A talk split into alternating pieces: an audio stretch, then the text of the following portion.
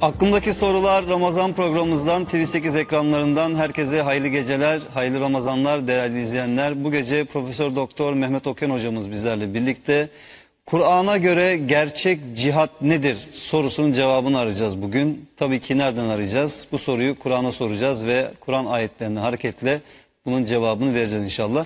Değerli hocam hoş geldiniz. Teşekkür ederim. Allah razı olsun. Sağ olun. Çok önemli bir konu. Evet.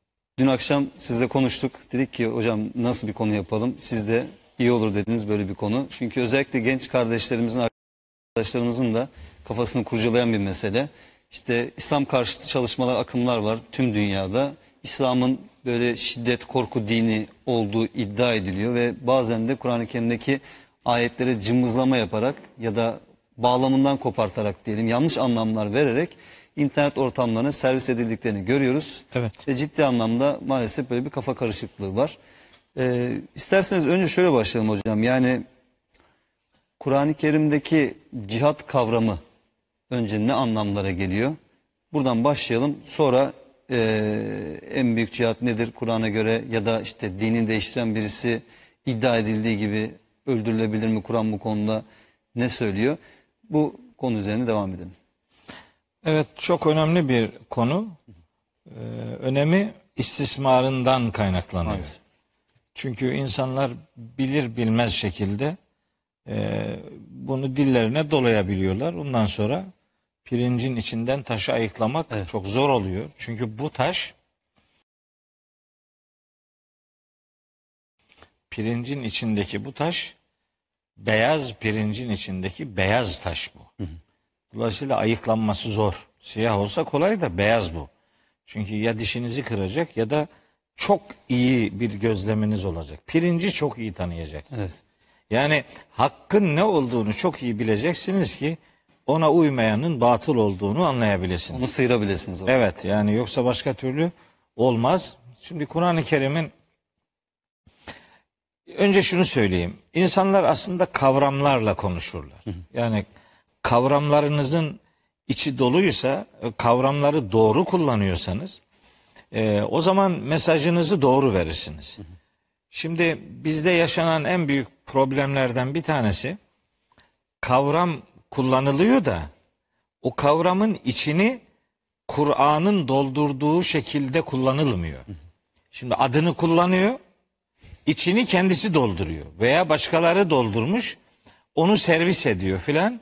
E bir bakıyorsunuz ki "Be- olmaz bu diyorsunuz. Yani dışarıdan bakan birisi bunu e, dini bir kavram olarak algılıyor. Hatta. Kur'ani bir e, bağlamda belki bunu e, değerlendiriyor. Ama insanlar bunu kendi keyiflerine göre şekillendirebiliyorlar. Maalesef işte problem buradan kaynaklanıyor.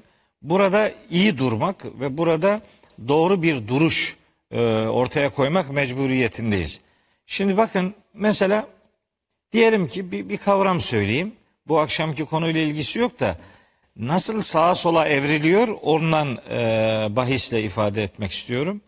Mesela diyelim ki şefaat kavramı. Şimdi şefaat Kur'ani bir kavram. Ya bununla ilgili Kur'an'da 32 tane ayet var. Fakat şefaatin Kur'an'ın onun içini doldurduğu şekilde değil de başka hiç onda olmayan bir anlamı ona koyarak sonra da onun üzerinden servis yaparak öyle bir şefaat algısı ortaya konuluyor ki şaşırıp kalıyorsunuz yani. Evet kavram Kur'ani ama içini Kur'an'ın doldurduğu gibi sunmuyor vatandaş. Cihat da böyle bir şey. Ümmi mesela bakın. Ümmi kavramı. Çok önemli bir kavram. Ümmiye Kur'an'ın verdiği anlamları vermiyor. Ona kendi insanların ürettiği bir anlamı veriyor. Sonra işte peygamberimiz ümmiydi. Ümmi mi? Tabii ümmi. Ama ümmi mesela sizin kullandığınız manada okuma yazma bilmeyen demek değil. Onun başka bir manası var. O kelimeyi o manada yorumluyorsunuz. Bu defa o kendilerinin yorumladığına uymadığı için diyor ki bak ümmiliği inkar ediyor. Dinleyen de diyor ki bu Kur'an kavramı bunu inkar eden Kur'an'ı inkar etmiş oluyor otomatik olarak. Yani böyle dolandırarak ve kavramların içini boşaltarak sonra da istedikleri gibi doldurarak bu kültüre, bu dine en büyük zararı yapıyorlar. İnsan Gerçekten. neresini düzelteceğini şaşırıyor değil mi? Tabii, tabii, tabii. Öyle bir çarpıtıyorlar ki hangi tarafından tutsanız elinizde kalıyor. Dün bir tanesi e, şey Twitter'dan bir soru gönderdi bana. Ben de e, bakıyorum sorulara işte cevap vermeye çalışıyorum. Çok yoğun olunca da yetiştiremiyorum. Bir tanesi bir soru sormuş. Soru işte üç aşamalı bir soru. Diyorum ki çok hocam diyor bir kelimelik cevap istiyor. Ya ne bir kelime? Sen sorduğun sorunun üç aşaması da yanlış. Hangi birini düzelteceğiz bunu kardeşim dedim kusura bakma yani. Böyle olmaz diye. İşte bu programlar hani buna hayra bir vesile olsun diye bu akşam dedik ki e, cihadı konuşalım. Bir Kur'an kavramı çok önemli bir kavram ve bu kavramı Kur'an'ın iki türden içini şekillendirdiğini biz biliyoruz. Şimdi kardeşlerime ifade edeyim bunu mutlaka bilmelidirler. Eğer hani bir mesele Kur'an'la ilişkili ise ve onu Kur'an'dan bir sunumun konusu yapacaksa kardeşlerim şunu bilmesi lazım. Bu kitabın üçte ikilik bölümü Mekke'de indi. Üçte birlik bölümü Medine'de indi. Mekke'de inenlerine Mekki yani hicretten önce indirilenlerine Mekki, hicretten sonra indirilenlerine Medeni denilir.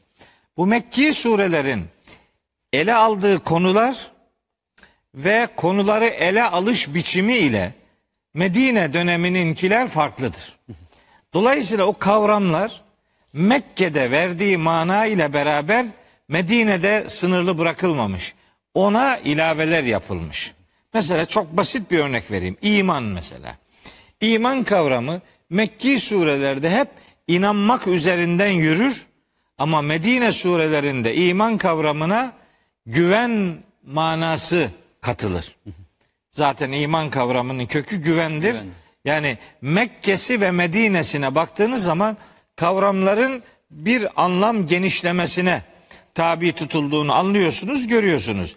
Buna başkaları bu anlamı katmıyor.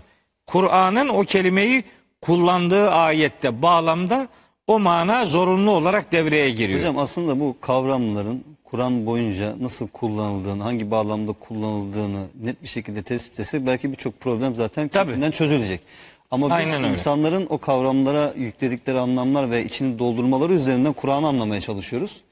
Ve anlayamıyoruz. İçinden de çıkamıyoruz böyle onu. Anlayamıyoruz. Şimdi bir örnek daha vereyim. Takva kavramı. Buyur. Bu Türkiye'de ve dünyada ne kadar İslami gruplar varsa hepsinin takva ve muttaki tanımı farklıdır. Herkes kendine göre bir şey tutturuyor. Kavramın içini kendisi dolduruyor. Oysa diyoruz ki öyle yapma. Kur'an takvayı ele almış canım. Takva ile ilgili Kur'an-ı Kerim'de yüzlerce ayet var. Oradan bakalım. Bakmıyor. Niye? Kendi düşüncesine hizmet etmeyeceğini kestiriyor. Onun için hiç yanaşmıyor. Şimdi ben onun için şunu özellikle öncelikle tespit edelim istedim. Bir, bir bu kavramların bir Mekke'si vardır, bir Medine'si vardır. Mekke'sini iyi bilmeden Medine'sinden ibaret sayamazsınız kavramı. Çünkü Mekke'de meselenin daha kök, daha temel bir e, boyutu ele alınır. Medine'de daha geliştirilir, biraz daha detayıyla ele alınır. Yani Mekke'de bir anlamda varoluşsal bir mücadele var. Var, evet tabii. Temelleri atılıyor. Tabii. İnanç sistemi. Yani işin en temeli ortaya konuluyor. Medine'de de binanın katları artık devreye giriyor. Böyle böyle e, bir sunumu var. Kur'an-ı Kerim'in bir konuyu ele alırken takip ettiği metodu iyi bilmek lazım. Şimdi böyle cımbızlayarak olmuyor bu kardeşim. Yani mesela örnek vereyim. Bak kardeş şimdi bu izleyici kardeşlerime örnek vereyim. Şurada kupayı göstermesem sadece T harfini göstersem sorsam desem ki bu nedir? Adamın de vereceği cevap belli T. Yanında V var V'yi de göstersem bu defa TV diyecek ve bu bir televizyonla alakalı bir şey olduğunu hemen kavrayacak. Önceden söylediği T'yi unutacak. Evet. Artık TV devreye giriyor. Bir de 8'i yanına koysanız TV 8 a bu bir televizyon kanalı diyecek. Sonra şu kupayı gösterirseniz T'yi de unutacak, TV'yi de unutacak. TV8'de unutacak. Diyecek ki kupa. Niye böyle dedi? Bütünü gördü, değerlendirmesi değişti. Parçaya bakarak bütün tanımlanmaz. Parçacı mantıklarla bütün hakkında karar verilmez. Onun için eğer bir kavramı Kur'an'da ele alınan bir kavramı eğer konuşacaksanız o kavramı tanımak istiyorsanız o kavrama bütüncül bakacaksınız. Bu bütüncül bakmaktan iki kastım var. Bir, o kavramla ilgili bütün ayetleri bileceksiniz. İki, kavramın yer aldığı kitabı bileceksiniz. Yani bir motifin motif olarak tek başına mesela puzzle'larda vardır. Bir puzzle'da bir motif bakıyorsunuz belli şeyleri bir araya getiriyorsunuz bir motif elde ediyorsunuz. Tek başına baktığınız zaman o motif neyse onu söylüyorsunuz. Ama bütünü gördüğünüz zaman bu defa diyorsunuz ki aa bu bir tabloymuş. Ne değişiyor? Bütünü görünce değerlendirmeniz değişiyor. Bir konuya Kur'an'dan bakacaksanız kitabın tamamını bilmeniz gerekiyor. Yoksa yoksa eksik tanımlarsınız. Cihadı kavrayacaksınız. Öyle mi? Ha. Cihadı kavrayacaksanız bir, önce Kur'an'ın insan insana bakışı nedir bunu bileceksiniz. İki, Kur'an'ın İslam dediği şeyi tanıyacaksınız. Üç, Kur'an'ın savaşla alakalı hukuki düzenlemelerini bileceksiniz. Bunları bilmeden tek başına cihat kelimesini milletin kullandığı şekliyle kullanırsanız isabet etmezsiniz. Kusura bakmayın. Çünkü bu Kur'an-ı Kerim'in aslında mucizevi yönlerinden bir tanesi değil mi? Yani Kur'an-ı Kerim bizim alıştığımız klasik kitaplar gibi bir düzeni yok. Evet yok. Bölüm bölüm böyle mesela cihat bölümü, kadın bölümü, işte miras Değil. bölümü, ne bileyim işte infak bölümü, zekat bölümü falan tarzında bölümler olmadığı için aslında Kur'an'ın dinamizmini de sağlıyor bu. Bir konuyla ilgili Kur'an'ın tamamına bakmanız, tamamına müracaat etmeniz gerekiyor. Evet onu söylüyorum. Yani bir konudan konuşacaksanız Kur'an adına konuşacaksanız ama. Her konuyu bilmeniz lazım Hatta kardeşim. hem Bilmeden olmaz. hem de dolaylı yönlendirmelerle birlikte değil mi? Tabii evet. Çünkü bakın bağlam diye bir şey var yani. Kelimeler, cümleler bağlamla anlam kazanır. Bağlamından haberi yok. Bir tane cımbızlayıp çekip alıyor onu. Bir surenin 5. ayetiyle ilgili bir şey söylüyor. Dört ayetin, ilk dört ayetini okumuyor. Olmadı ki ama böyle. Sonrasında okumuyor. E sonrasını da okumuyor. İşte o, o zaman olmuyor bu iş. Demek ki bir kavramı mı konuşacaksınız? Heh, o kavramla ilgili ne var ne yok onu bileceksiniz. Sonra o kavramın içinde yer aldığı kitabı bileceksiniz. Kur'an serpiştirerek konuları ele alan bir kitaptır. Kur'an'ın konulara bakışında öyle bir metot takip etmesinin en büyük sebebi kanaatimce en büyük sebebi Allahü Teala bu kitabın bir konusunu değil her konusunu bilmemizi istiyor ve o konuları böyle birbirinin içerisine yedirerek anlatıyor. Çünkü her konudan sorumluyuz zaten. Sorumluyuz tabii. Hepsini Tamamından bilmemiz sorumluyuz lazım. yani. Tabii. Kitabın hepsinden sorumluyuz ve o konular böyle birbirinin içine girdirilmiş. Şimdi mesela ben şuna çok karşıyım Emre kardeşim. Yani belki bir tefsirci olarak bunu söylememem gerekir. Belki bazı arkadaşlarım e, biraz yadırgıyor olabilirler ama mesela ben konulu tefsire çok karşı bir adamım. Niye? Ya senin bir konuyla sınırlı zannettiğin ayette belki de 10 tane konu var. Sen niye onu diğer konulardan koparıyorsun? Niye şimdi bir de böyle konu milliyetçiliği yapalım? O kitabın kendi mantığı içerisinde ayetin böyle doku olarak pek çok ayetle doğrudan irtibatı vardır. O irtibatı kurarsanız mesela bir ayeti çekip aldınız. Bak bu ayetin müteşabihi vardır. Yani onunla alakalı bir ayet daha mutlaka vardır. Hani hafif kapalı bir şey mi anlatıyor? Onun açıklığa kavuşturulduğu başka bir ayet vardır. Çünkü bu kitabın mesani diye meseleyi zıddıyla ele alma tekniği vardır. Bu kitapta şey vardır. Simetrik anlatım tekniği vardır. E bunları bilirseniz, bunları bilmeniz lazım ama. Bunları görürseniz hangi kavram olursa olsun sizi hiçbir şekilde yayan bırakmaz. Hocam şimdi tabii siz bunları çok güzel net açıklıyorsunuz. Belki bazı izleyicilerimiz ya bu kadar zor mu acaba bu Kur'an falan gibi düşünebilir. Heh, hemen. Yani hemen bunu da vurgulayalım. Vurgulayalım çünkü mesela benim ben bunları söyleyince bir kısmı da diyor ki ya ne güzel Kur'an'ı anlamak istiyorduk. Bu defa anlaşılmaza mı geldik? Hayır kardeşim. Hayır bak 35 yıldır bunu bağıran bir adamım ben. Yani bu kitabı anlamadan 100 kere hatim yapacak yerde mealini yarısını oku ondan daha hayırlıdır. Yani siz aslında nasıl anlaşılacağını bir Yöntemini söylüyorum. Bu imkansızdır demiyorum ki kardeşim. Böyle git de huzurlu ol, mutlu ol. Doğru bir yol takip et. Doğru bir yol takip et. Ondan sonra bir başkası seni mahcup etmesin. Sen de bir başkasını yanıltmamış Sonra ol. hocam bu aslında sizin kişisel bir görüşünüz de değil. Kur'an'ın bize öğrettiği bir yöntem aslında kendi Evet. içerisinde. Evet. Yani yapısı böyle kardeşim. Şimdi cihadı konuşacağız. Bakalım. Şimdi bir tane cihatla ilgili bir ayet söyleyelim. Bakalım oluyor mu şimdi? Yani bu dediklerime bakmadan bununla hani bitecek mi bu iş? Diyor ki Allahü Teala ne diyor? Mesela Ankebut suresi 69. ayetinde geçiyor. Diyor ki Allahu Teala Rabbimiz Estağfirullah vellezine cahedu fina lenehdiyennehum subulena. Bizim uğrumuzda cihad edenlere bütün yollarımızı göstereceğiz. Şimdi eğer buradaki cihat ayeti Mekke'de mi indi, Medine'de mi indi? Bunu bilmiyorsa bir adam. Bu ayetteki cihada eğer adam öldürme noktasından bir mana verecekse yüzde yüz yanlış yapar. Neden? Bu ayet Mekki surenin bir ayetidir ve Mekke'de fiili savaşla alakalı Müslümanlara verilen hiçbir izin yoktur. Yani Allah yolunda mücadeleye aslında bu. Ha, o başka bir şey söylüyor işte. Yani cehede, cehd etmek, çaba sarf etmek, gayret ortaya koymak demektir. Bu kelimenin kelime anlamı bu. Cehd etmek, çaba sarf etmektir. Cihat, uğraşmak demektir. Mesela mücahit, çalışan, çaba sarf eden insan demektir. İctihat, fikir için çalışmak demektir. Müjdehit, fikir üreten insan demektir. Hepsinde çalışma, emek, e, bir gayret vardır kelimenin manasında.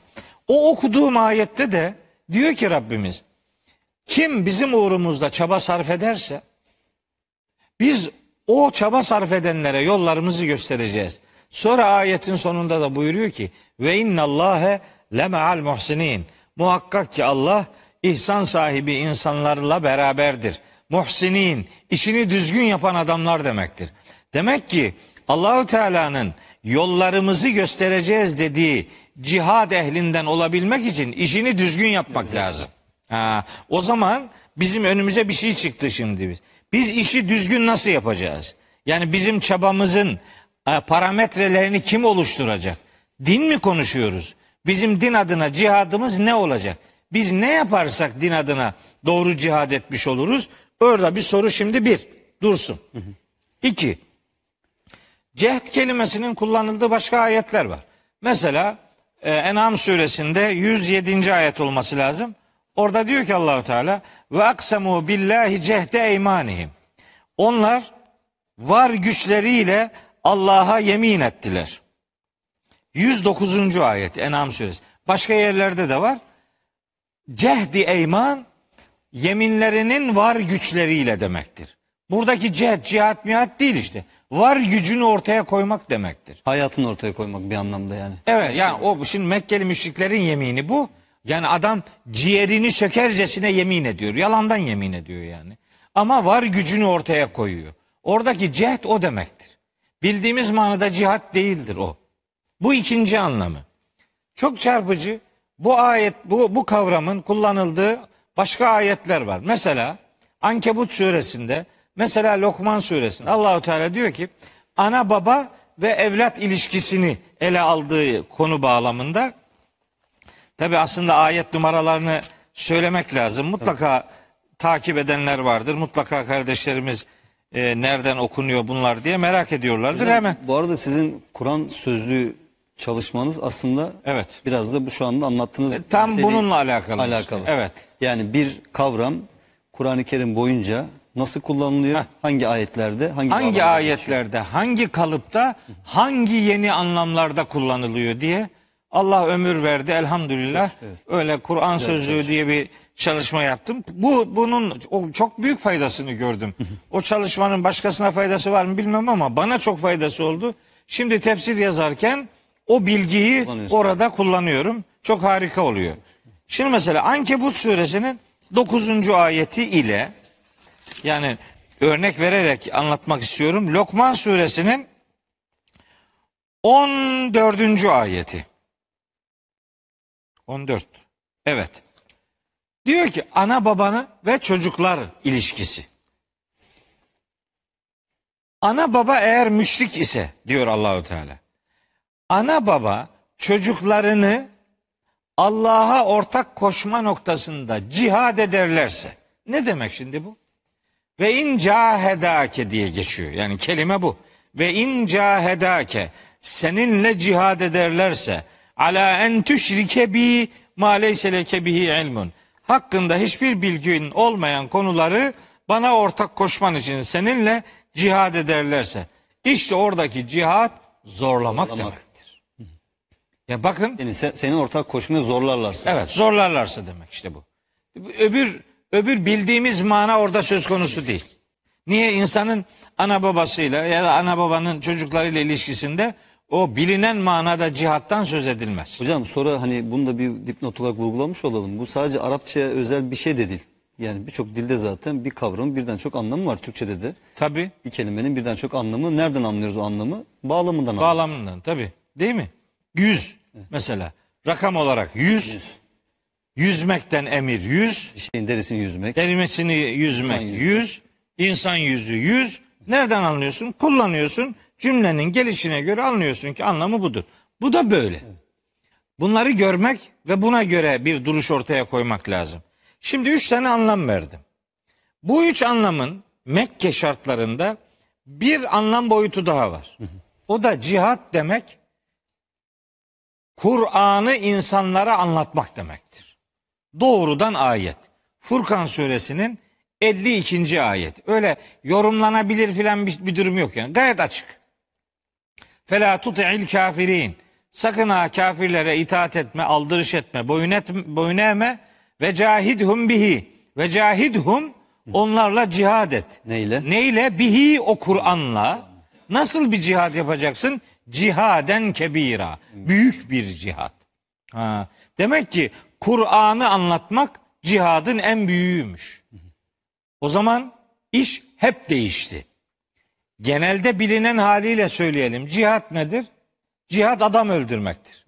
Kur'an'a göre cihat adam kazanmaktır. Çok. Adam öldürmek değil, adam kazanmaktır. Nerede biliyor musunuz? Savaşta bile. Bu kelimenin bu verdiğim dört anlamı da Mekke dönemi ayetlerinde söz konusudur.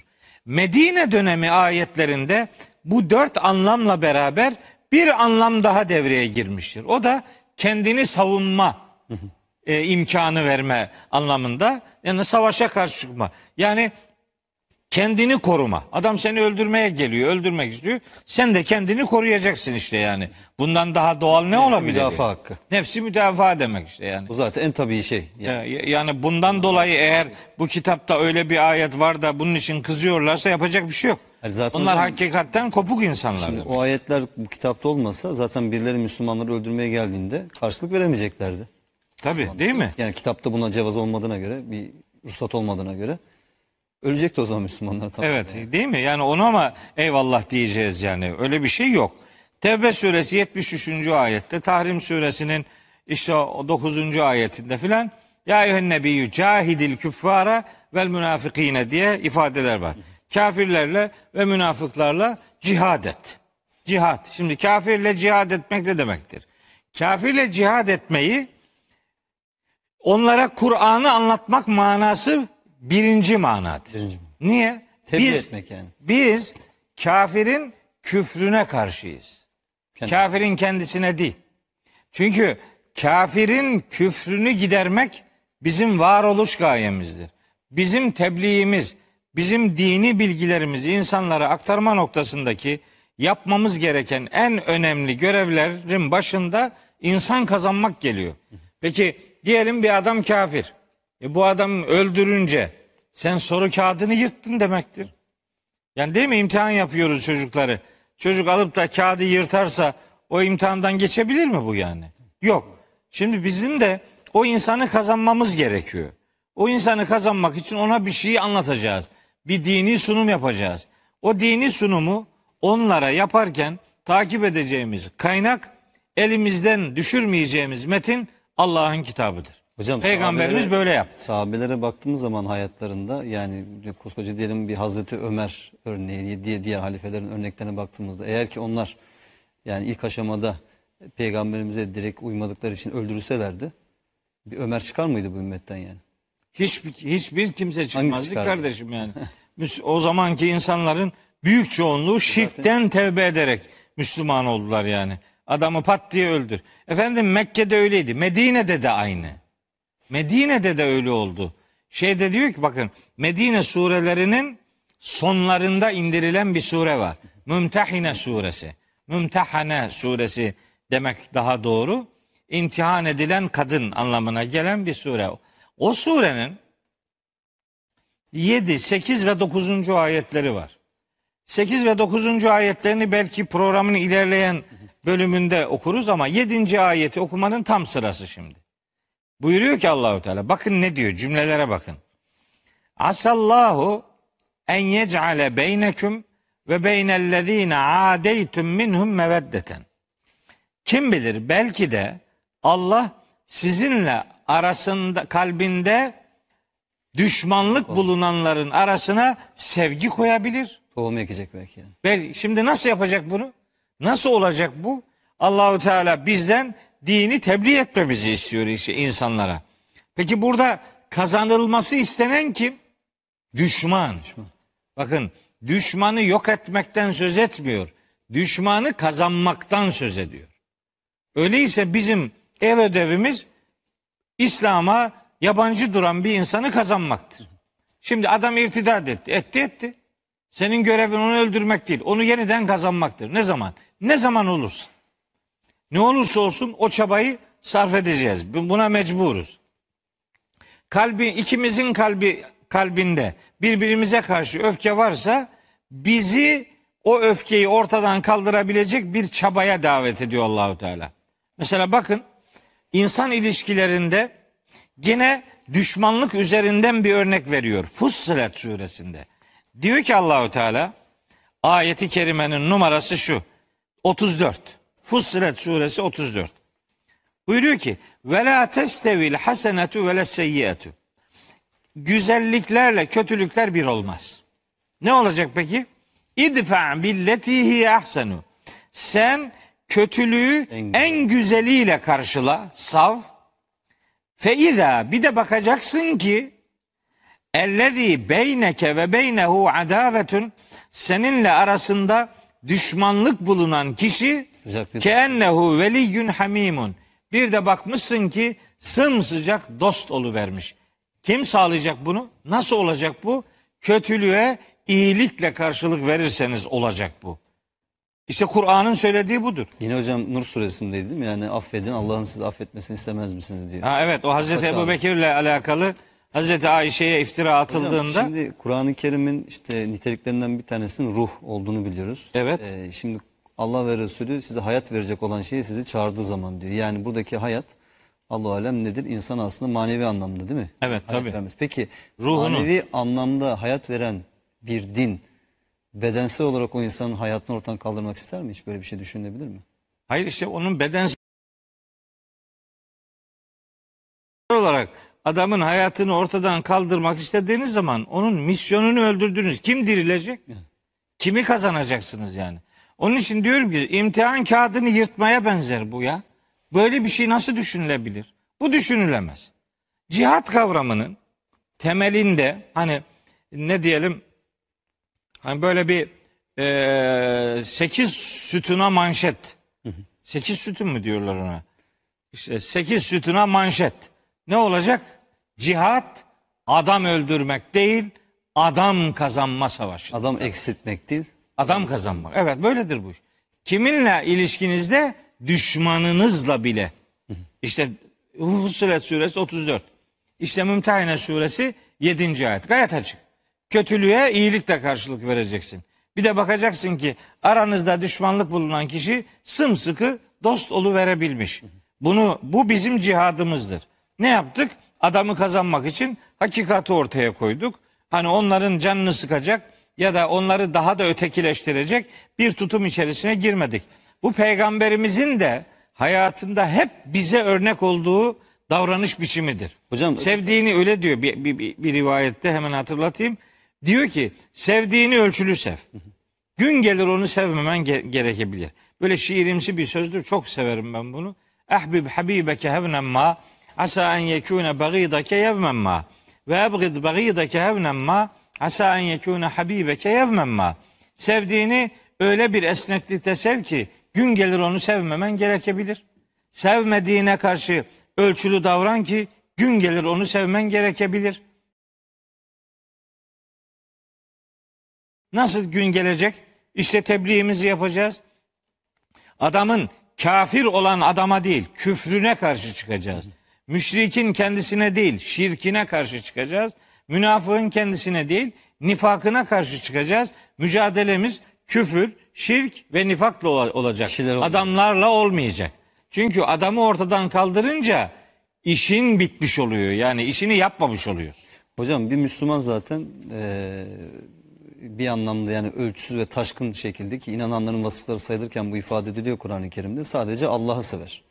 Evet. Allah'a da sevgide onlar taşkındırlar diyor Kur'an-ı Kerim. Vellezine amenu eşeddu hubben lillah. Yani ölçülü olmak her zaman dediğiniz gibi. Hocam bir de bu noktada eğer ki o işte kişiyi baskıyla zorbalıkla imana getireceksek yani eğer ki adam kafir diye müşrik diye ölüm korkusuyla iman edecekse buradan da münafık çıkmaz mı zaten? Tabii öyle bir iman iman değil zaten canım. Yani ona iman Allah katında demiyor. bir değeri olur mu Hiçbir yani? değeri yok. Hiçbir değeri yok. Yani la ikra. Şimdi onun için en başta dedim ki temel kavramlar ve hareket edeceğimiz temel noktalarımız var bizim. Kardeşim bütünü bakacaksın. Ne yani cihat kavramını mı konuşuyorsun? Dedim ya bir insan kavramını bileceksin. İki İslam kavramını bileceksin. İslam ne? Barış demektir. Ya barış adı barış olan bir dinde yani böyle adam öldürmekten söz edip de önüne geleni öldürme anlamında bir çıkarımda nasıl bulunacağız ya? Hocam zaten Kur'an-ı Kerim baktığımız zaman İslam dendiğinde hiç en son bile değil yani hiç akla gelmeyecek şeyler bugün maalesef ki İslam dendiğinde ilk akla gelen şeyler oluyor bazı insanların nazarında. Evet Burada maalesef. da malzemeyi kim veriyor? Aslında yine Müslümanların bir kısmı bu konuda maalesef ki. E, malzeme veren Müslümanlar var ama malzeme verilmese de böyle bir malzeme üretmek için dört gözünü açmış bekleyenler var. Hocam onlar bekler o şaşırmamak lazım da yani bizim buna alet olmamamız Tabii, lazım. Yoksa biz- kötüden kötülük beklenir zaten. Tabii biz biz bizim görevimizi yapmak Yapmak durumundayız. durumundayız. Hocam bir ara verelim. E, hemen devam edelim sonra inşallah. Değerli izleyenler kısa bir aramız var. Aradan sonra çok çarpıcı başlıklarımız var. Bizden ayrılmayın.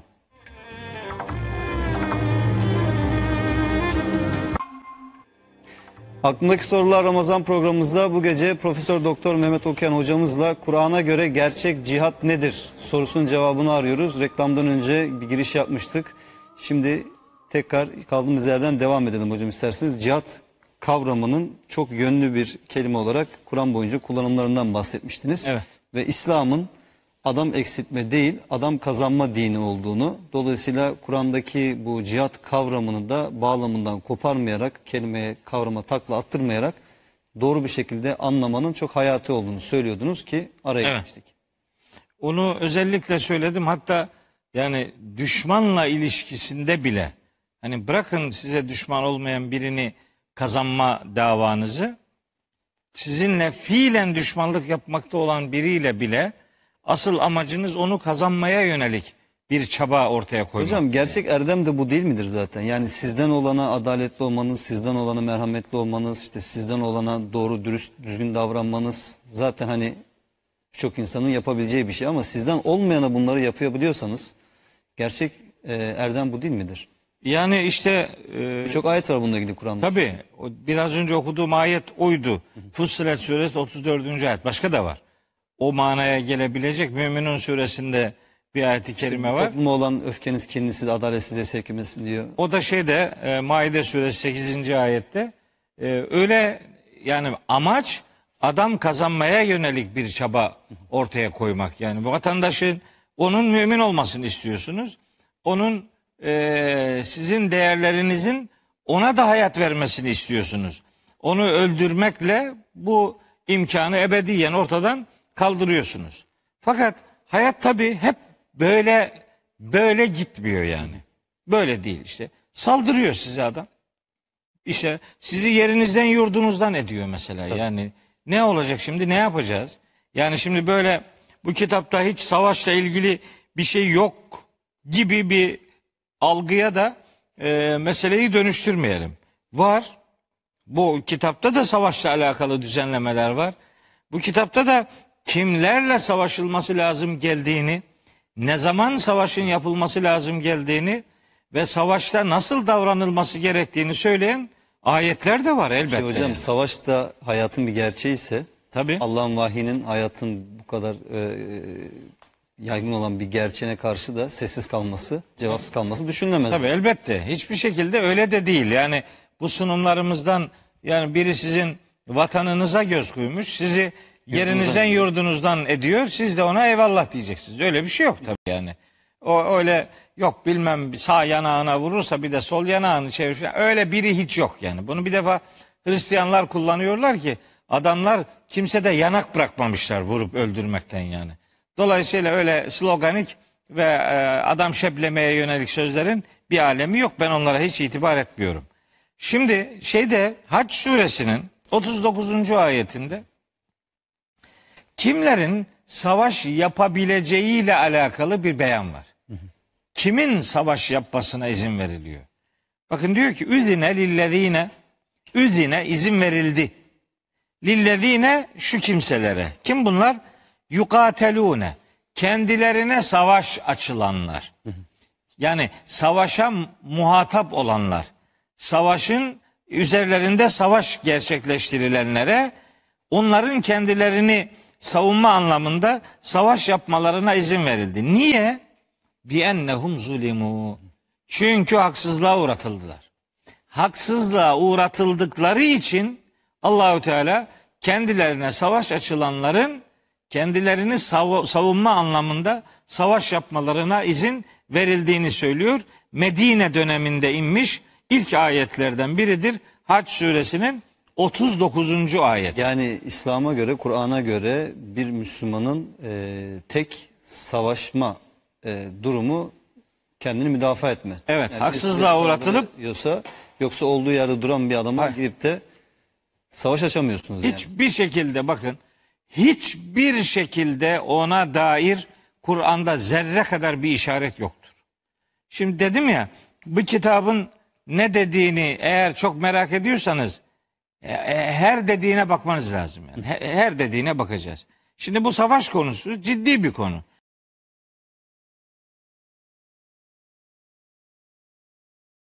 Ne diyor? Anlatıyor bunu. Ele aldığı bir konu.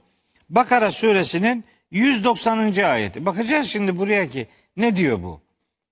Böyle Fransa'daki e, sözüm ona e, aydınların işe filanca şiddet ayetlerini kitaptan çıkartalım tekliflerine bizim karnımız tok. Onlar önce kendi kitaplarıyla uğraşsınlar. Bizim kitaptan çıkartılacak hiçbir tane ayet yok. Bu kitabın çıkartılacak ayeti yok. Bu kitabın anlaşılacak ayetleri Doğru anlaşılacak ayet. Evet anlaşılması lazım. Doğru anladığın zaman ne Fransızı ne İngilizi buna bir şey diyemez dememesi lazım. Onların da hocam birçoğu doğru anlıyordur aslında da işlerine gelmiyordur. Tabii herhalde yani. Yani bilmedikleri bir şey değil çünkü Kur'an-ı Kerim üzerine araştırma yapan birçok orada enstitüler var, akademisyenler var. Doğru elbette Bilmedikleri bir biliyorlar. Şey değil yani. Şimdi işte bu konu doğrudan ele alınan ayetleriyle bize seslenir Allahü Teala. Bakara suresi 190. ayet mi? Ne diyor? Arapça bir metin. Bunu anlamak zor bir şey değil. Anlıyoruz bunu. Tercüme edebiliyoruz. Tercüme edilince de ne oldu? Gün gibi aşikar. Ve katilu fi sebilillah. Bir, Allah yolunda savaşılacak. Ha, Allah yolunda savaşılacak yani başka eften büften sebeplerle savaş yapılmayacak yani. Çünkü savaş demek işte kan demektir. Ee, kaos demektir. Dolayısıyla böyle meşru bir sebebiniz yoksa savaş olmayacak. Sonra demek. hocam birisinin ben Allah yolunda savaşıyorum demesi de O da değil. Tabii öyle. Kur'an'daki ölçüye Kendi, uygun olacak. kendi menfaatini kendi menfaatini Allah yolundalığın arkasına saklayarak onu öyle pazarlamayacak yani. Onu herkes kendisi bilir. Onu çevredekiler de bilirler. Ve katilu fi sebilillah. Allah yolunda savaşın kiminle? Ellezine yukatiluneküm. Sizinle savaşanlarla. size savaş açanlarla siz de Allah yolunda savaşın. Ha, bir şey daha var burada. Ve la ta'tedu sakın ha saldırgan taraf siz olmayın. Olmayın. Şimdi bu ayetin içinde bulunduğu bir kitap ve bu kitaba inandığını söyleyen Müslümanlar nasıl kalkıp da şiddetin herhangi bir tarafında bu kitapla ilişkilendirilecek bir yön aranabilir ya? İşte bunun söylediği bu. Allah yolunda size kim savaş açmışsa siz de onlara karşı Savaşın. savaşınızı verin ve sakın ha saldırgan taraf siz olmayın. İnna Allaha la yuhibbul mu'tedin. Muhakkak ki Allah saldırganları sevmez. Allahu Teala saldırganları o kadar sevmez ki hani denebilir ki burada sözü edilen iki taraf var. Diyelim ki biri kafirler, müşrikler saldırıyor. Beri tarafta da müminler var. Biz müminler olarak saldırgan olmayacağız. Kime karşı? Kafire karşı saldırgan olmayacağız. Peki bir mümine bir başka mümin saldırırsa ne olacak? Diyelim ki öyle bir durum var. Var da nitekim yani. Şimdi güney sınırlarımızda maalesef öyle. Müminler birbirlerine patır kütür saldırıyorlar. O zaman ne olacak? Bakın o zaman da Allahü Teala saldırganlık yapanı saldırıdan vazgeçinceye kadar onu sindirme görevini yine üçüncü Müslümanlara vermektedir. Üçüncü grup Müslümana. Yani biri bir Müslüman başka bir Müslümana saldırıyorsa o saldırganı saldırganlıktan vazgeçirmesi için ya da vazgeçirinceye kadar üçüncü Müslüman gruba onu onu engelleyin diyor. Onun Siz ona savaşın. barışı tesis etmek değil mi hocam? Bunun, bu- bunun sebebi barışın. E, Elbette işte yani bu kan dursun iki tane Müslüman grup birbiriyle savaşmasın. Yani üçüncü grup kalkıp da bu da Müslümandır ben buna bir şey demeyeyim diyemez. Yani saldırganlık yaptıysa onun hakkı saldırılmaktır. O hiç daha kendisini böyle ucuza satıp da bir problem yokmuş gibi bir milletin iyi niyetinden istifade edemez. Saldırmışsa saldırganlıktan vazgeçirilecek. Bunun başka hiçbir e, alternatif çabası yok. Ha diyelim ki saldırdı biri. Ona saldıran onu başkaları da saldırıdan vazgeçirdi. Öyle bitirip de meseleyi bırakmayın diyor. Diyor ki fein faet saldırgan saldırıdan dönerse artık vazgeçerse fe aslihu beynehuma bil adli ve aksitu. Artık aralarında adaletle ıslaha çalışın ve mutlak surette adil davranın. Şimdi adil davranmazsanız o düşmanlığı yeniden körükleyecek pek çok sebep bulunur. Pek çok e, işte fitne fücur yeniden gündeme gelir. Adamın hakkı neyse o kadarıyla ona muamelede bulunmak lazım gelirken yeni mağduriyetler meydana getirmemek lazım. Bu saldırganlıktaki e, vazgeçirme girişiminden maksadı da ıslahtır. Islah. Yani sonunda ıslah olsun taraflar birbirine karşı herhangi bir şekilde saldırgan bir tutum içerisine girmesin. Hocam Enfal 61 yine burada değil mi? Aslında bu ayetleri tamamlayıcı. Yani eğer onlar barışı elim gösterirse sen de ona elim göster ve Allah'a güven. Bu şey, bu savaş esnasında hani adam e, artık bırakıyorsa ve incenahu lisselmi eğer barışa barışa kanat açarlarsa fecnah leha sen de barışa uçarak, Uçarak git diyor yani. Dolayısıyla mutlaka asıl asıl mesele barış. Çünkü adamı kazanmak istiyorsun. Yani oradaki popülasyonu düşürüp de işte onları yok etmek başarı değil. Siz İntikam onlardan almak adam değil. kazanacaksınız. İntikam almak değil aslında. Evet yani? işte İntikam almak. düşmanı kazanmaktan söz ediyoruz. Düşman nasıl kazanılır?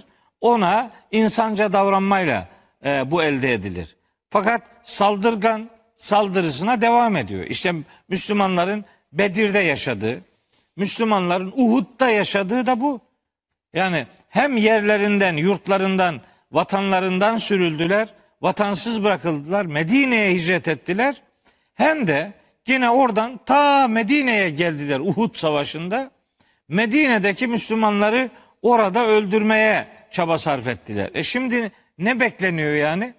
Geldi vatanını istila edecek adam siz ona hiçbir şey demeyeceksiniz. Öyle bir şey yok. O anlamda vatanını savunmak e, İslam'ın, Kur'an'ın her Müslümana verdiği ve o vatanda yaşayan gayrimüslimler varsa bile onların da o vatanı koruma mecburiyeti vardır.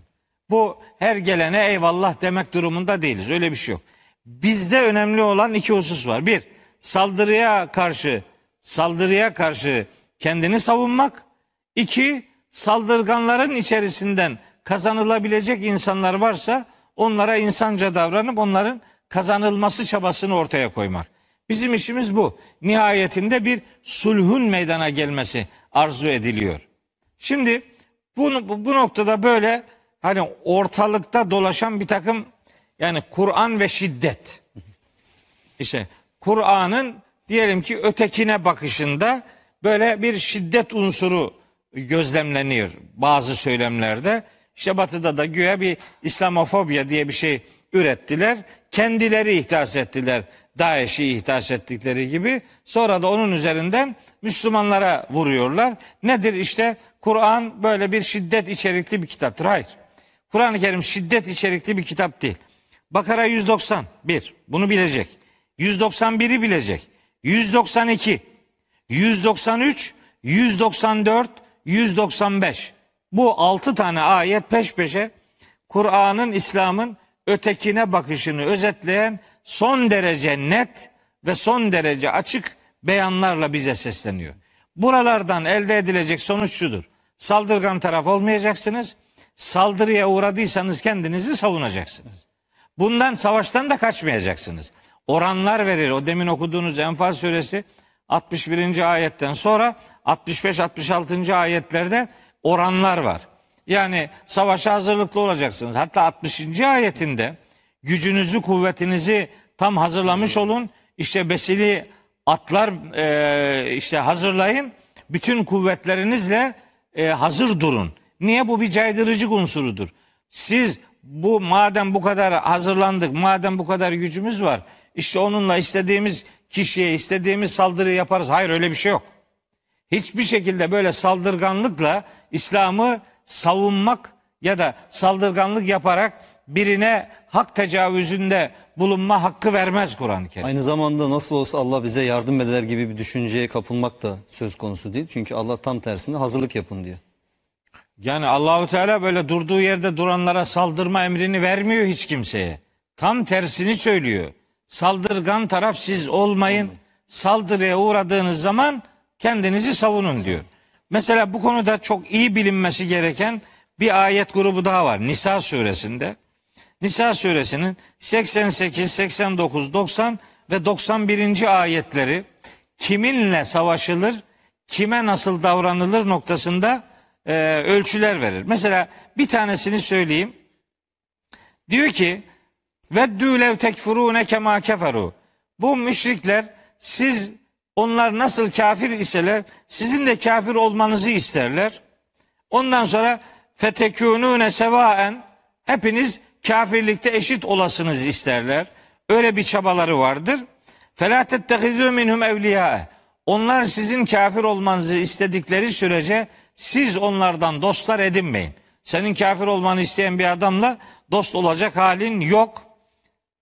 Öyle bir yasak veriyor. Sonra diyor ki fein tevellev eğer onlar yüz çevirirlerse bu dostluk e, olması arzu edilip de Müslümanları da kafir yapmak isteyen adamlar eğer hakikaten yüz çevirirlerse fehuzuhum bunları yakalayın diyor. Vaktuluhum bunları öldürün haysu vecettumuhum nerede bulursanız. Kimi? İnançsız bir adamı nerede bulursan öldür demiyor. Bakın burada Müslümanları dininden çevirmek için yani var gücünü ortaya koyan bir gruptan söz ediyor. Bu adamlar eğer sizi e, sizinle savaşıyorlar zaten Mekkeli müşrikler burada öteki dediğimiz adamlar zaten fiilen savaşı başlatmış. Zaten Müslümanları yerinden yurdundan etmiş. Onları vatansız yurtsuz bırakmış. Onlarla alakalı yani fiili savaşın ortasında bulunan insanlarla alakalı onların öldürülmesinden söz ediyor. Bakın buna rağmen bunda bile bir istisna getiriyor. Diyor ki illellezine yasilune ila kavmin beyneküm ve beynehum misakun. Sizinle kendi aralarında antlaşma bulunan bir topluluğa sığınabilirler. O zaman anlaşma yaptıysanız anlaşmaya sadakat göstereceksiniz.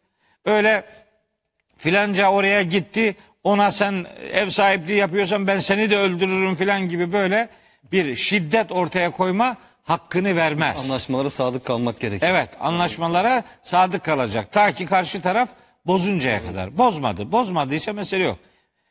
Ee, o Enfal suresinde onunla alakalı bir düzenleme var. Bu anlamda e, o zaman İslam'da aslında bu anlamda bir öteki de yoktur değil mi? Yani anlaşma yapılamayacak kimse yoktur ki peygamberimiz müşriklerle anlaşma yapıyor. Tabi işte şeyde onları anlatıyor. Enfal suresinin nerede?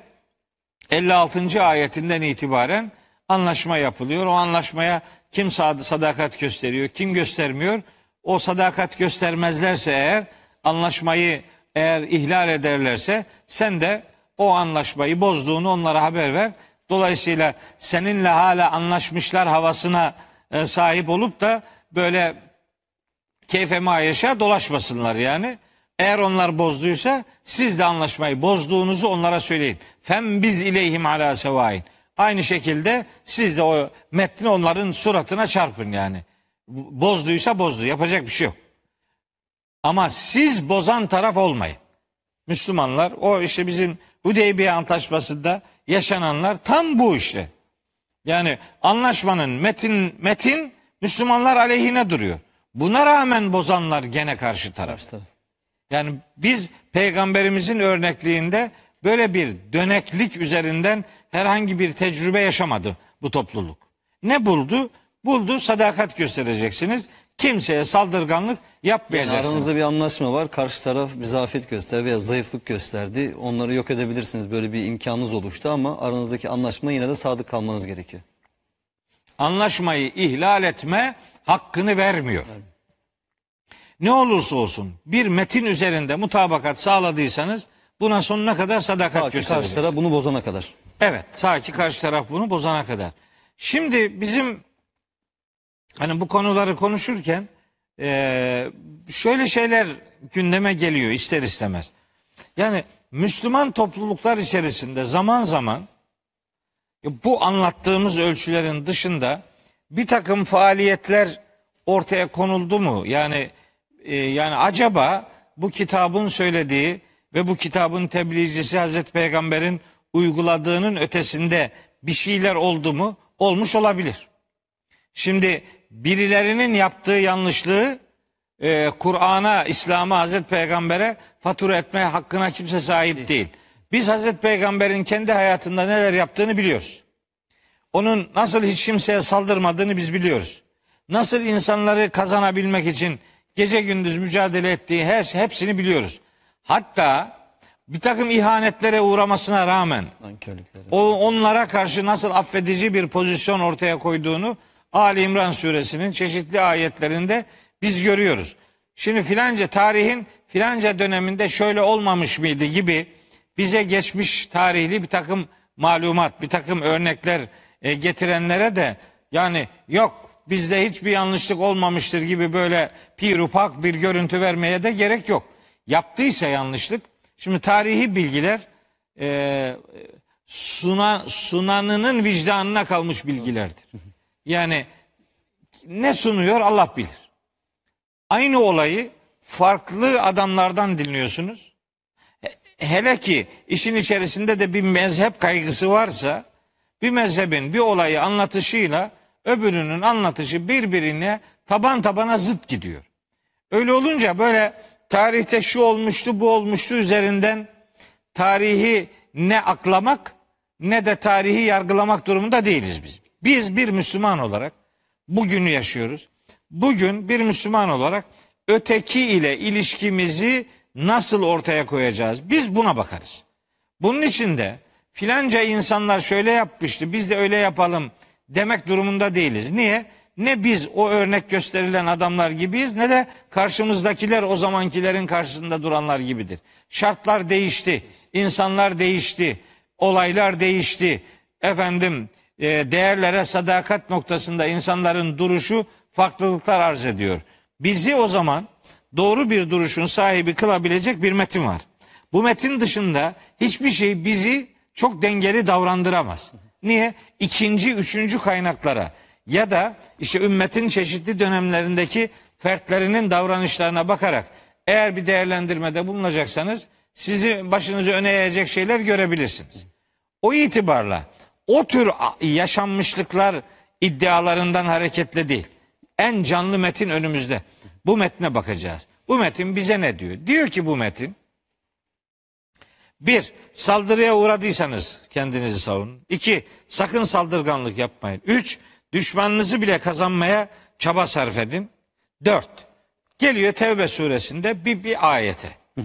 Şimdi bu he, bu ateist sitelerinde şurada burada o ayeti böyle temcit pilavı gibi ısıtıp ısıtıp getiriyor. Tövbe suresi 5. ayet değil mi? Tevbe suresi 5. Onu ayet. bir analiz edelim hocam biraz açalım ayeti. Heh, 9. surenin 5. ayeti. Ayet. Şimdi dediğim gibi 5. ayeti konuşacağız da ya 4 ilk 4 ayeti var bunun. Devam eden ayetleri var. Yani bir adam 5. ayetin bir cümlesini alır da nasıl olur da bu adam bu surenin 6. ayetini okumaz ya? Ki hocam 5. ayetin o cümleyi alsa da o anlam çıkmaz. Onu zaten şimdi tahlil onu edince yani. tabii o zaten o hiç çıkmaz da hadi diyelim ki düz bir metin okuyor.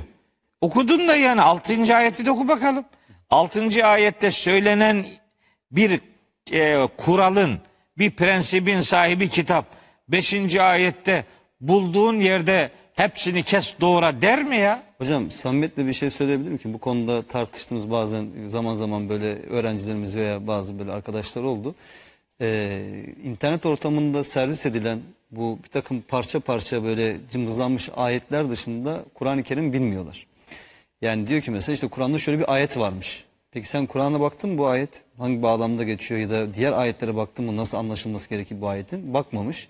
Ama bir ön yargıyla yaklaşıyor. Yani bir şeyi zaten reddetmek istiyorsa bir insan bir gerekçeye bahane de ihtiyacı yok ama tam da diyor ki bak Kur'an'da da işte bulduğunuz yerde bu inanmayanlar, ateistleri, müşrikleri öldürün yazıyormuş. E tamam o zaman ben böyle bir dine inanmam Evet. diyor. Aslında en büyük zararı kendisine yapmış oluyor bu anlamda. Tabii. Ama işte bu yani bu sadık bir bakış değil yani. Bu bunu Rasyonel bu- bir yaklaşım Yani değil. doğru bir yaklaşım değil yani. Yani kimse kusura bakmasın. Şimdi bu kitap Arapça ya. Şimdi bu Arapçadan kaynaklı bazı şeyleri bilmesi lazım bu konuda konuşacaksa birinin. Ne diyor? Diyor ki Feyden selakal eşhurul hurum. Bu haram aylar diye haram aylar vardı. Onlar çıkınca ne olacak peki? Faktülül müşrikine. Müşrikleri öldürün. Haysu vecettumuhum. Onları nerede bulursanız onları öldürün. Ve huzuhum. Onları işte tutuklayın. Vahsuruhum. Onları muhasara altına alın. Ve kudu lehum külle mersat. İşte gözetim yerlerinde onları bekleyin. Yani nerede nerede bulursanız müşrikleri öldürün. Tercüme şimdi böyle ol- olduğu zaman Emreciğim bu şimdi bu bu sıkıntı işte bu tercüme. Müşrikleri nerede bulursanız öldürün tercümesini değil. O müşrikleri de diyeceksin. O el takısı o demektir işte. Belirteç yani. Belir- Belirteç edatı işte. O the artıkılı İngilizce'deki işte o konuşulan o müşrikler. Herhangi bir müşrik değil. Değil. Bu yani size savaş açmış zaten hala hazırda savaştığınız ama haram aylardan dolayı Anlaşmanız savaşı var. Bıraktığınız anlaşma, olduğunuz. Evet bozdular anlaşmayı. Bozdukları. Bu kendileri bozdular. Düşmanlıklarına devam ediyorlar. İlk fırsatta seni yok etmek için zaten ikide bir Mekke'den kalkıp Medine'ye geliyorlar yani bu Saldırılar adamlar. yapıyorlar. Saldırgan adamlar. Şimdi bunlar söz konusu olan bunlar. Bunları nerede yakalarsanız e, savaş ortamı zaten. Savaş ortamında yakaladığınızı öldürün deyip bitirmiyor. Bakın tutuklamadan söz ediyor, işte muhasaradan söz ediyor, gözetlemeden söz ediyor. İşte savaş ortamı neyi gerektiriyorsa işte onları seçenek olarak değil her birini sırası geldiğinde uygulama noktasında bir buyruk ortaya koyuyor. Fakat hiç gözden kaçırılmaması gereken şey şu. Diyor ki fein tabu vazgeçti adam. Yani şeyden o saldırganlıktan vazgeçti yapmıyor. Yöneliyor ve akamus salate namazda kılıyor ve atevüz zekate zekat da veriyor. Fakallu sebilehum bırakın adamları. Bırak yani adam sen adamı öldür ne olursa olsun öldür demiyor. İnnallâhu gafurur rahim. Adam dönebilir. Adamı öldürdün mü dönme ihtimalini ortadan kaldırıyorsun. Belki dönecek. Belki af dileyecek Allahu Teala'dan. Allah da bağışlayıcı olduğunu söylüyor. Bakın 6. ayette o 5'ten sonraki ayet yani başka bir yerden ayet okumuyoruz peş peşe. Diyor ki ve in ahadun minel müşrikin estecareke eğer ortak koşanlardan biri yani müşriklerden herhangi biri bir eman dileyip bir güvence dileyip yanına gelmek isterse feecirhu hatta yesma'a kelamallahi sümme eblighu me'mene. Bu adamları yanına al Allah'ın sözünü işitsin sonra onu güven içinde gitmek istediği yer neresiyse oraya götürün diyor. Ya hocam bırakın adamı öldürmüyor bir de üzerine İşte bakın- koyuyor yani adamı Evet. Gözetmenle ilgili ve istediği yere götürmenle ilgili. Yani şimdi, şimdi bu Ya Kadir nerede Şinaslık mı Allah aşkına şimdi? Nerede? Kur'an anlattı, nerede insanların anladığı değil mi? Yani evet yani şimdi bundan işte kahroluyorum mesela ya. Yani bir insan 5. ayetin başını yanlış ve eksik tercümeyle böyle cımbızlayıp alıyorsun. Ya 6'yı okusana be gözünü seveyim ya. 6'da bak diyor ki bu adam eman dileyebilir. Ne öldürüyorsun adamı? Sen senin senden yardım istiyor ve o nere gitmek istiyorsa onu gitmek istediği yere kadar güven içerisinde alıp götür. Zalike bi ennehum kavmun la ya'lemun. Bilmiyor bu adamlar gerçeği diyor. Bunlara yardımcı olun diye. Niye böyle diyor? Çünkü Kur'an'ın hedefi o adamın da kazanılmasıdır canım. Kur'an şöyle bir Müslüman topluluğu hayal etmiyor yani. 10 kişi olsun yeter. 11. kişi bize lazım değil. Hayır öyle değil. Yani Kur'an bir insanlık gemisini e, dolduracak fertleri arıyor. Ne kadar çok olursa o kadar iyi. İlla her çokluk her zaman hakikati ifade etmez ama bizim amacımız bir kişiyi daha kurtarabilmektir. Biz ta İsrailoğullarına ki Tevrat'ta yazılandan biliyoruz. Maide suresi 32. ayette Men katele nefsen bi gayri nefsin ev fesadin fil ardı fekennema katelen nase cemi'a ve men ahyaha fekennema ahyen nase cemi'a. Yani sebepsiz yere, haksız yere kim bir cana kıyarsa yani işte cana kıyarak toplumda bir fesatlık ortaya çıkartırsa bütün insanlığı öldürmüş gibidir. Kim de birine hayat verir, onun hayat onun hayata hayata tutunmasını sağlarsa bütün insanlığı diriltmiş gibidir. Hocam şimdi bu ayet örnek veriyorsunuz. Bazı kişiler diyorlar ki yani o İsrailoğullarına yazılmış. Kur'an öyle söylüyor diyor. He. Ya bu Kur'an ayeti mi değil mi?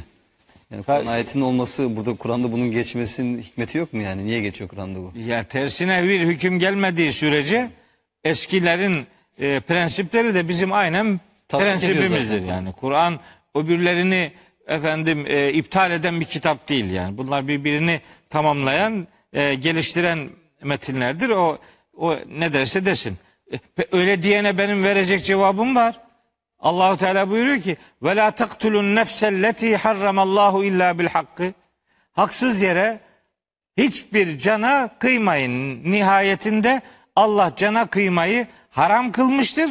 Harramallahu o harramallahu Allah'ın haram kıldığı diye tercüme edilir. Aslında zaten la taktulu la taktulu kalıbı yasak bildirir. Bir daha harrame demesine gerek yok. Anlaşılıyor ki o bir dahaki harramenin başka bir manası var. Allah'ın muhterem kıldığı, Allah'ın saygın kıldığı Mescid-i bir cana Haram gibi yani. Mescid-i Haram gibi işte. Cana kıymak haramdır. Çünkü can muhteremdir. Çünkü bir cana kıymak cihana kıymaktır kardeşim. Yani bir can bin candır.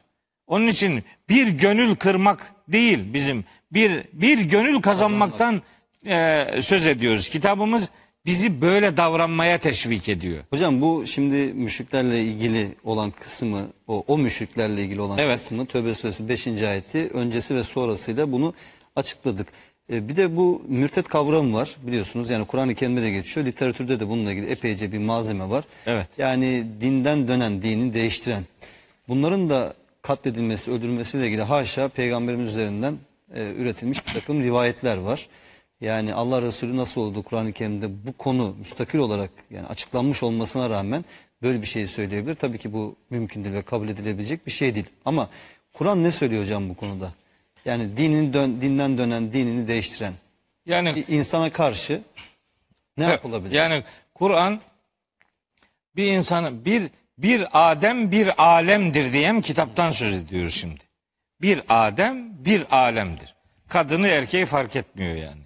Bir insan milyarlarca insana bedeldir. Onun için biz bir adamı Allahu Teala'nın şaheseri olarak görürüz bir insanı.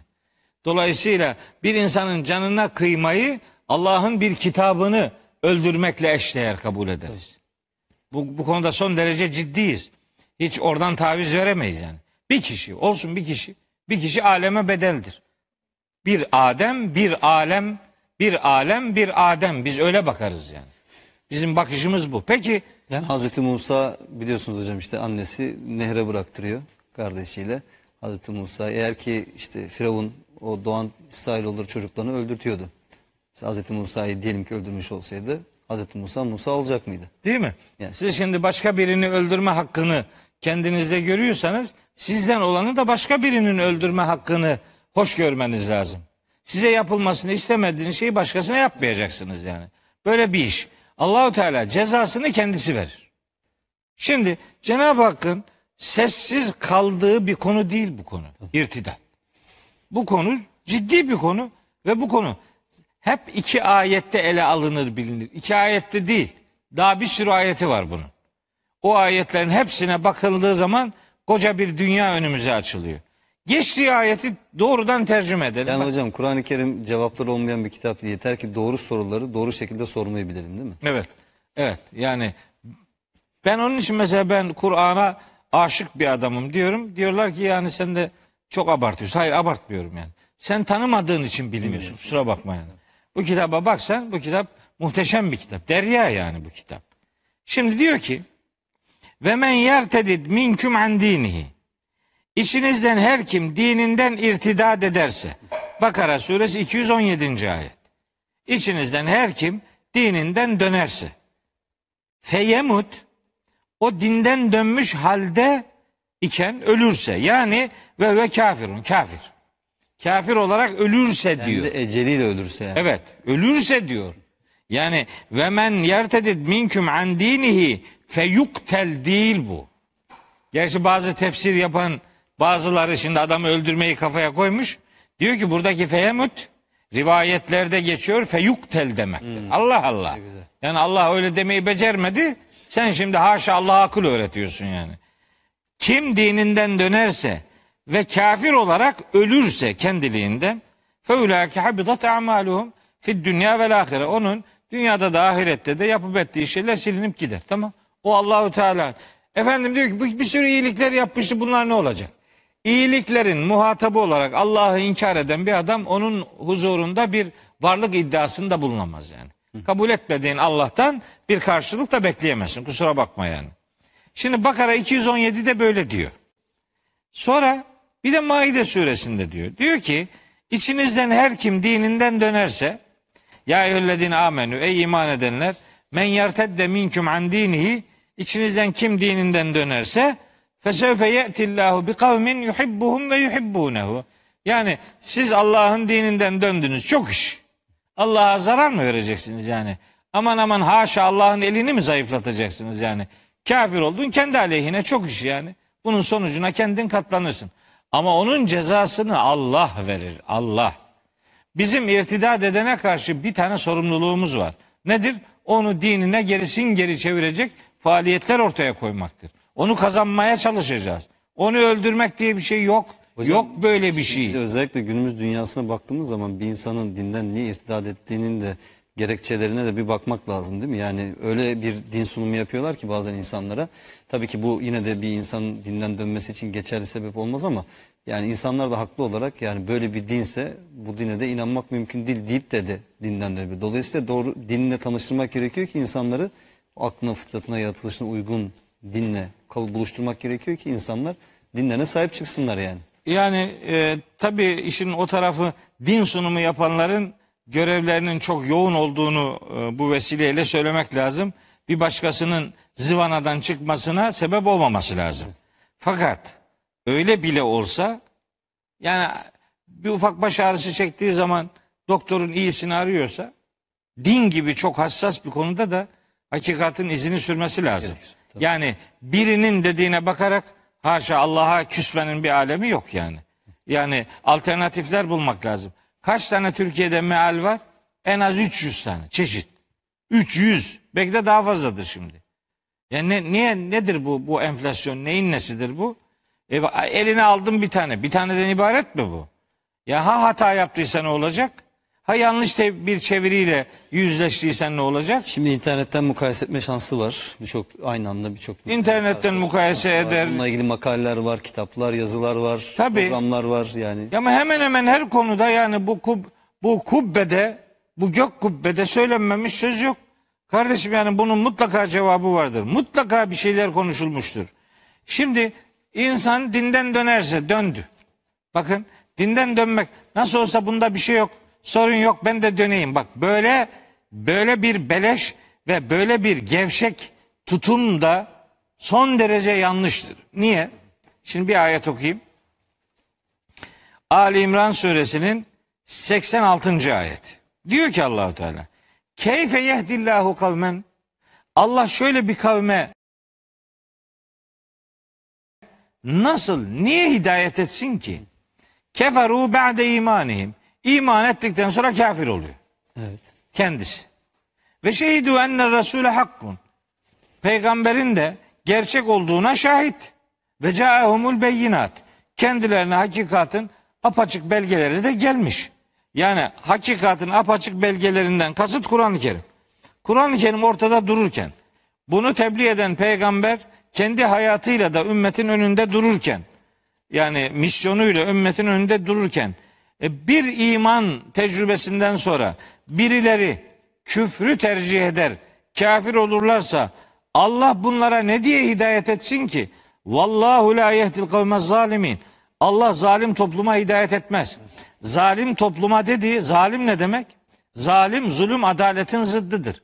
Adalet bir şeyi yerli yerince yapmaktır. Zulüm bir şeyi yerinden etmektir. Bu neyi yerinden etti? İmandan sonra küfrü tercih etti. Neye rağmen? Elindeki hakikatin belgelerine rağmen bunu tercih edince zalim olur bu. O zalimliği devam ettirdiği sürece kişi Allah bunu torpiyle kalkıp da küfründen imana o adam istemediği sürece götürmez. Allah zorla onu iman ettirecek değil. Ettirmez. Kendi iradesiyle kararı. Aynen öyle. Bu Ali İmran suresi 86. ayet. Bir ayet daha okuyayım. Bu şimdi bu zikzak işleri hiç iyi işler değiller. Hiç iyi değil bu yani, yani nasıl olsa bir şey yok. Bir 5-10 gün çıkalım dinden sonra 3-5 gün gene gireriz. Bu hiç hiç iş değil bu. Niye? Hem ayet. Sen işten çıkmıyorsun yani değil mi hocam? Tabi Allah korusun ya dinden çıkıyorsun ya.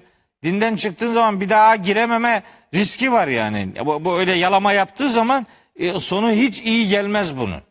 İşte ayet söylüyorum bakın. Ali İmran 89 90. 90'ı okuyayım. İnnellezine keferu ba'de imanihim. İmandan sonra küfre düşenler. Thummezdâdü küfren. Bu adamlar küfre düştüğü zaman oradan yeniden kolayına imana dönmez. Küfürde ileri gider. Küfürde derinleşirse len tukbele tevbetum. Bunların daha sonra tevbeleri filan kabul edilmez. Niye? Küfürde derinleşen adam tevbe ihtiyacı hissetmez.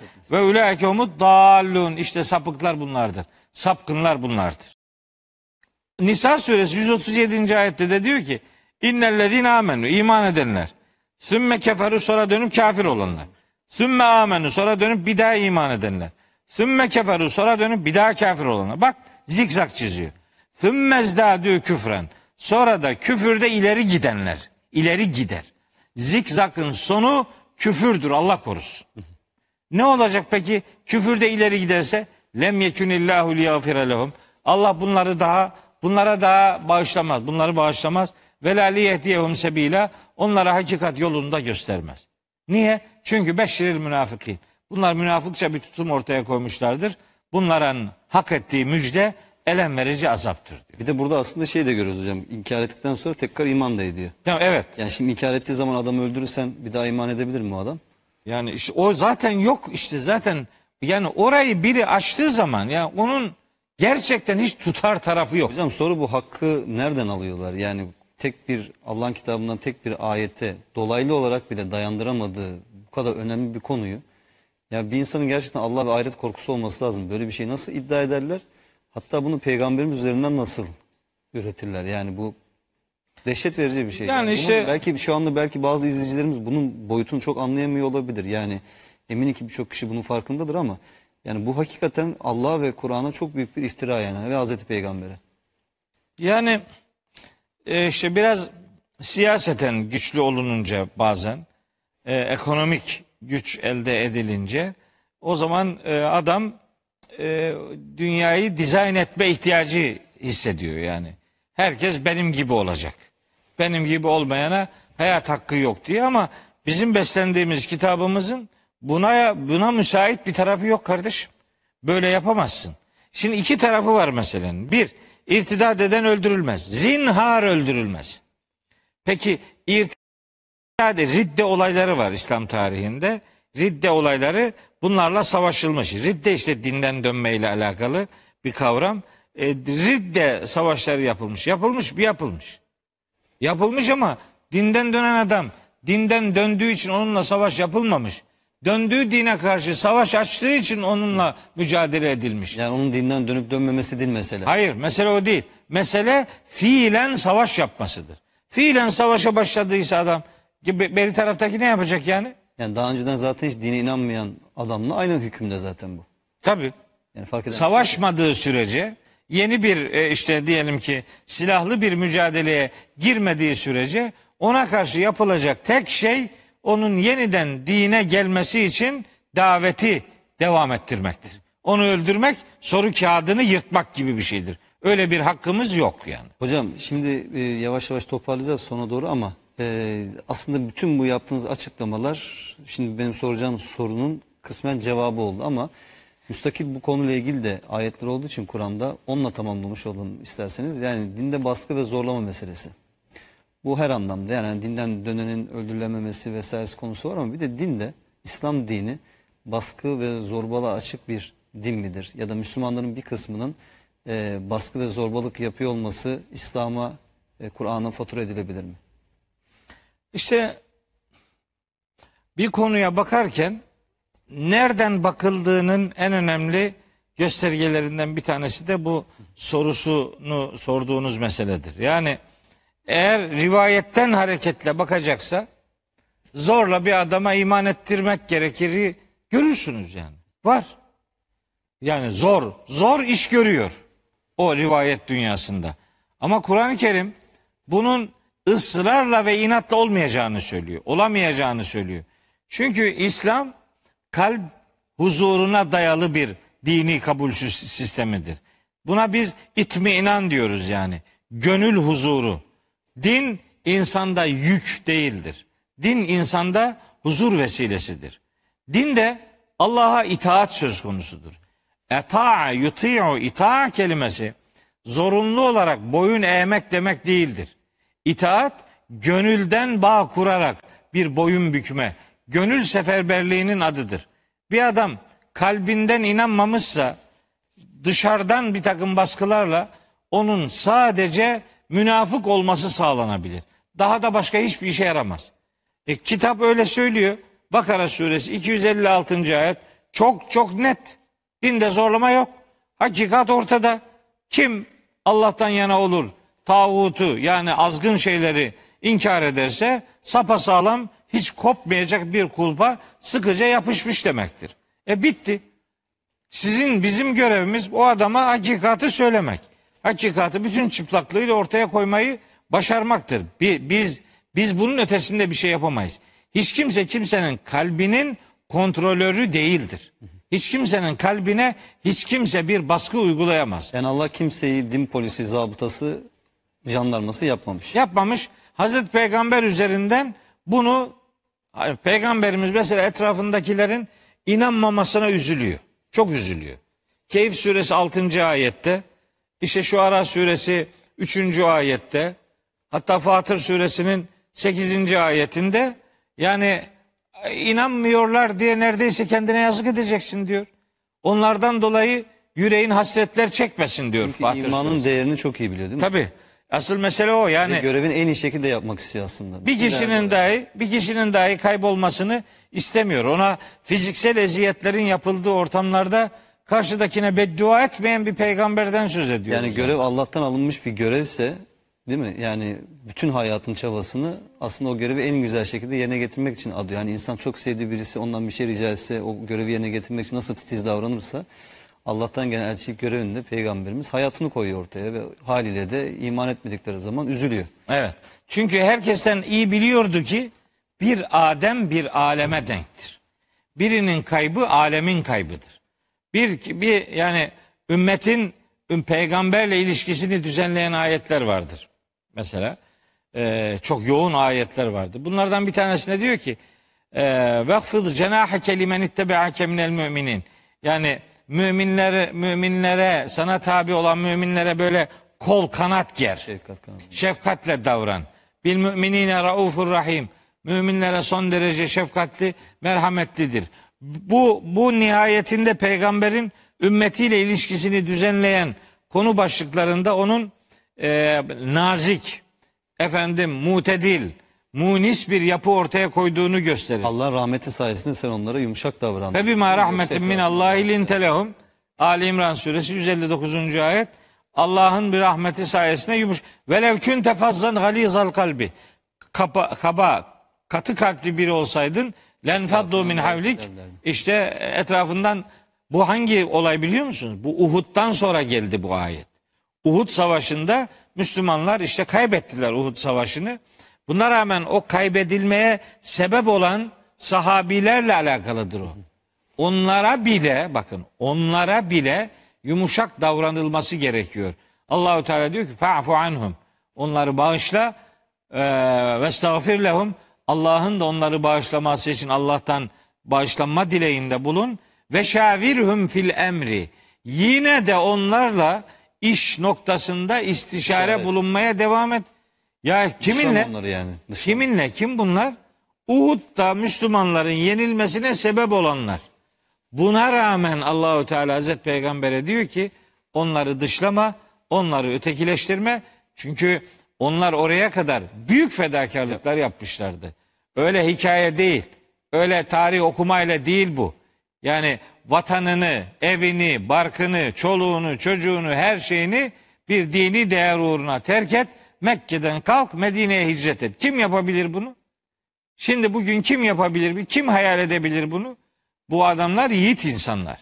Allah hepsine rahmet etsin. Hocam değil mi ki Rabbimiz Kur'an'da Hazreti Musa'yı Firavun'a bile yönlendirirken ona yumuşak tatlı söz söyle. Belki kalbi ürperir, öğüt alır diyor ki Firavun gibi bir hani zulüm timsaline bile Allah eğer ki bir elçisini bu şekilde yönlendiriyorsa Firavun'un bile yumuşak söz söylenilmeyi hak ettiği bir dünyada bir Müslümanın bir başka insanı böyle ötekileştirmesi, onu ne bileyim dışlaması, ona hakaret etmesi hiçbir şekilde hakkı hukuku olan bir şey değildir. Elbette değildir. Bizi bizim de amacımız bir yüreği daha kazanmaktır kardeşim. Onun için Kur'an-ı Kerim diyor ki fezekkir bil Kur'an'ı. Kur'an'la öğüt ver. Zorlama. Leste aleyhim bi musaytir. Gâşiye suresinde diyor. Sen onların üzerinde zorba değilsin. Ve ma ente aleyhim bi cebbarin. Kaf suresi 45. ayette. Sen onların üzerinde cebbar değilsin. baskıcı bir Baskıcı değilsin. Cebbar. Yani zorba değilsin. Şeyde diyor ki Şura suresi 48. ayette. Feyne aradu. Yüz çeviriyor olabilirler. Onlar yüz çevirirlerse fema erselnâke aleyhim hafiza. Biz sen onların üzerine muhafız göndermedik. İn aleyke illel belâhu. Sana düşen görev sadece tebliğdir. Tebliğini ama düzgün yapacak. Zaten Bakara'da dinde baskı zorlama olmadığı Bakara 256'da da gayet açık. Hatta mesela bunun bir ileri aşaması var. Nedir? Ee, şeyde Nahl suresinin 106. ayetinde geçiyor. Men kefara billahi min ba'di imanihi. İmanından sonra kim Allah'ı inkar ederse illa men ukrihe ve kalbuhu mutmainnun bil imani. Kalbi imanla dolu iken zorlamaya tabi tutulanlar hariç kalbi imanla dolu olmasına rağmen zorlamaya tabi tutulanlar hariç her kim imanından sonra küfre dönerse e, Allah işte Allah'ın gazabı onun üzerindedir. Velakin men şeraha bil küfrü sadren. Kendisi yüreğini küfre açarsa bir adam fe aleyhim gazabun minallah. Allah'ın gazabı onların üzerinedir. Ama bakın oradaki o istisna kalbi imanla mutmain doluyken zorlamaya tabi tutulursa bir adam bu gazap tehdidinden istisna edilir. Niye? Çünkü beri tarafta bir zorlama var. Beri tarafta zorlama olunca zorlamanın olduğu yerde yürek düşer. Bizim bakacağımız yerde yürektir. O itibarla kimseye dış görünüşü veya sözü söylemi itibariyle böyle bir suçlayıcı, dışlayıcı bir mantıkla onlara e, onları dışlamak, ötekileştirmek durumunda değiliz. Bizimki düşman bile olsa en uç örneğini veriyor. Düşman bile olsa kazanmaya dayalı bir e, diyaloğunuz olsun. Ve diyalog güzel söz söyle diyor. En kötü şeye en güzeliyle karşılık ver. Niye? Amacın onu kazanmak. Onu kazanmak için böyle hakaret ederken Kur'an'ın mesela şeyinde 108. ayetinde En'am suresinin sövgüyü çıkarıyor Müslümanın gündeminde. Niye? Onun tapındığı varlıklara sövmeyin diyor. Onlar da döne ve Allah'a söverler. Allah'a Sövmeyin diyor. Niye? Onu da kazanmak durumundasın yani. O da senin soru kağıdındaki sorulardan bir tanesi. O da kazanılacak. Ha adam iman etmemiş. Etmedi etmedi. İman etmediyse senin görevin onun iman etmesi için bir Müslümanca cihad ortaya koymaktır. Ne yapacaksın? Hakikati bazen konuşarak, bazen susarak ama her ikisinde de eyleminle ortaya koyacaksın. Faaliyetin, yani hayatın cihad olacak. Her zaman söz cihad olmaz. Yani örnek olacaksın değil mi hocam? Yani bir Yani insan konu- size baktığı zaman diyecek ki yani bu adamın böyle olmasının sebebi inancı. Evet. Yani konu cihad olduğu için e, onu söylüyorum. Tabii ki üsve-i hasene olmak Hazreti Peygamber'in sıfatıdır. Ama aynı zamanda bu ümmetin de inanmayanlara karşı öyle bir görevi var yani. Adama şu soruyu sorduracaksın. Diyecek ki adam nasıl oldu da böyle güzel davranıyor? Bunun böyle güzel davranmasının sebebi nedir'i sorduracaksın. Sonra da onun cevabını bunun sebebi Kur'an'dır, İslam'dır diye vereceksin yani. Hocam, son iki- Hayatın konuşacak Son yani. iki dakikamız bu bağlamda Yunus suresi 99. ayeti değil mi hocam? Yani onu da hatırlatalım. Eğer Allah dileseydi yeryüzündekilerin Kur'an-ı Kerim'de- iman ederdi. Tabii En'am suresinde var bir sürü ayet onunla ilgili. Hud suresinde var. Ee, Yunus suresinde de var. Ve ma kâne nefsin en tü'mine illa biiznillah. Yani Allah'ın buyruğu, Allah'ın izni, Allah'ın iradesi olmadan hiçbir can iman etmiş olmaz. Ama Allah'ın isteği o imandır zaten. Ama efe ente tükürühün nase. Şimdi sen insanları zorlayacak mısın? Hatta yekûnü müminin iman etsinler diye. Olmaz ki bu. Zorlamak bir adamın sadece münafık olmasına yol açar. Durduğu yerde duruyorsa Allahu Teala onun için Mümtehine suresinin 8 ve 9. ayetlerini bu ümmetin böyle her fırsatta tekrarlaması gereken iki ayettir Onunla bu. kapatalım o zaman hocam. Ha, o ayetleri söyleyeyim. Diyor ki Allahu Teala e, la enhak yani sizinle savaşmamış, sizi yerinizden yurdunuzdan çıkarmamış insanlara iyilik yapmanızı, Adaletle. onlara adil davranmanızı Allah yasaklamıyor. Aksine Allah iyilik ve adil davran iyilik yapanları, adil davrananları sever. Ha biri sizinle savaşmış, sizi yerinizden yurdunuzdan çıkarmış, yerinizden yurdunuzdan çıkartılmanıza yardım etmiş, destek olmuşlarsa onları dost edinmenizi Allah yasaklar. Kim öylelerini dost edinirse onlar da zalimlerin ta kendileridir. Onların dost edinilmemesi istenilir. Yoksa onlarla bütün ilişkiyi kesmek değil, tanış olmakta, gerekiyorsa ticari ilişkilerde, hatta arkadaş olmakta bir sorun yok. Ama dostluk yüreğini ona teslim edebilme, yönetimini ona teslim edebilme anlamında her şeyin o olabilecek şekildeki bir ilişkinin adıdır. Bu da sadece imanlı olanlar arasında söz konusudur. Başka ilişkiler bunu karşılamaz. Hocam Allah razı olsun. Çok Sağ teşekkür ederiz. Bu güzel Ramazan gecesinde Allah'ın kitabının güzel ayetleriyle gecemizi renklendirdik, şenlendirdik. Ee, inşallah Cuma gecesi yine birlikteyiz hocam. İnşallah. Bunu duyurmuş olalım. Değerli izleyenler Profesör Doktor Mehmet Okyan hocamız bizlerle birlikteydi. Yarın gece inşallah Profesör Doktor Hasan Onat hocamız programımızda olacak. Görüşmek üzere diyoruz.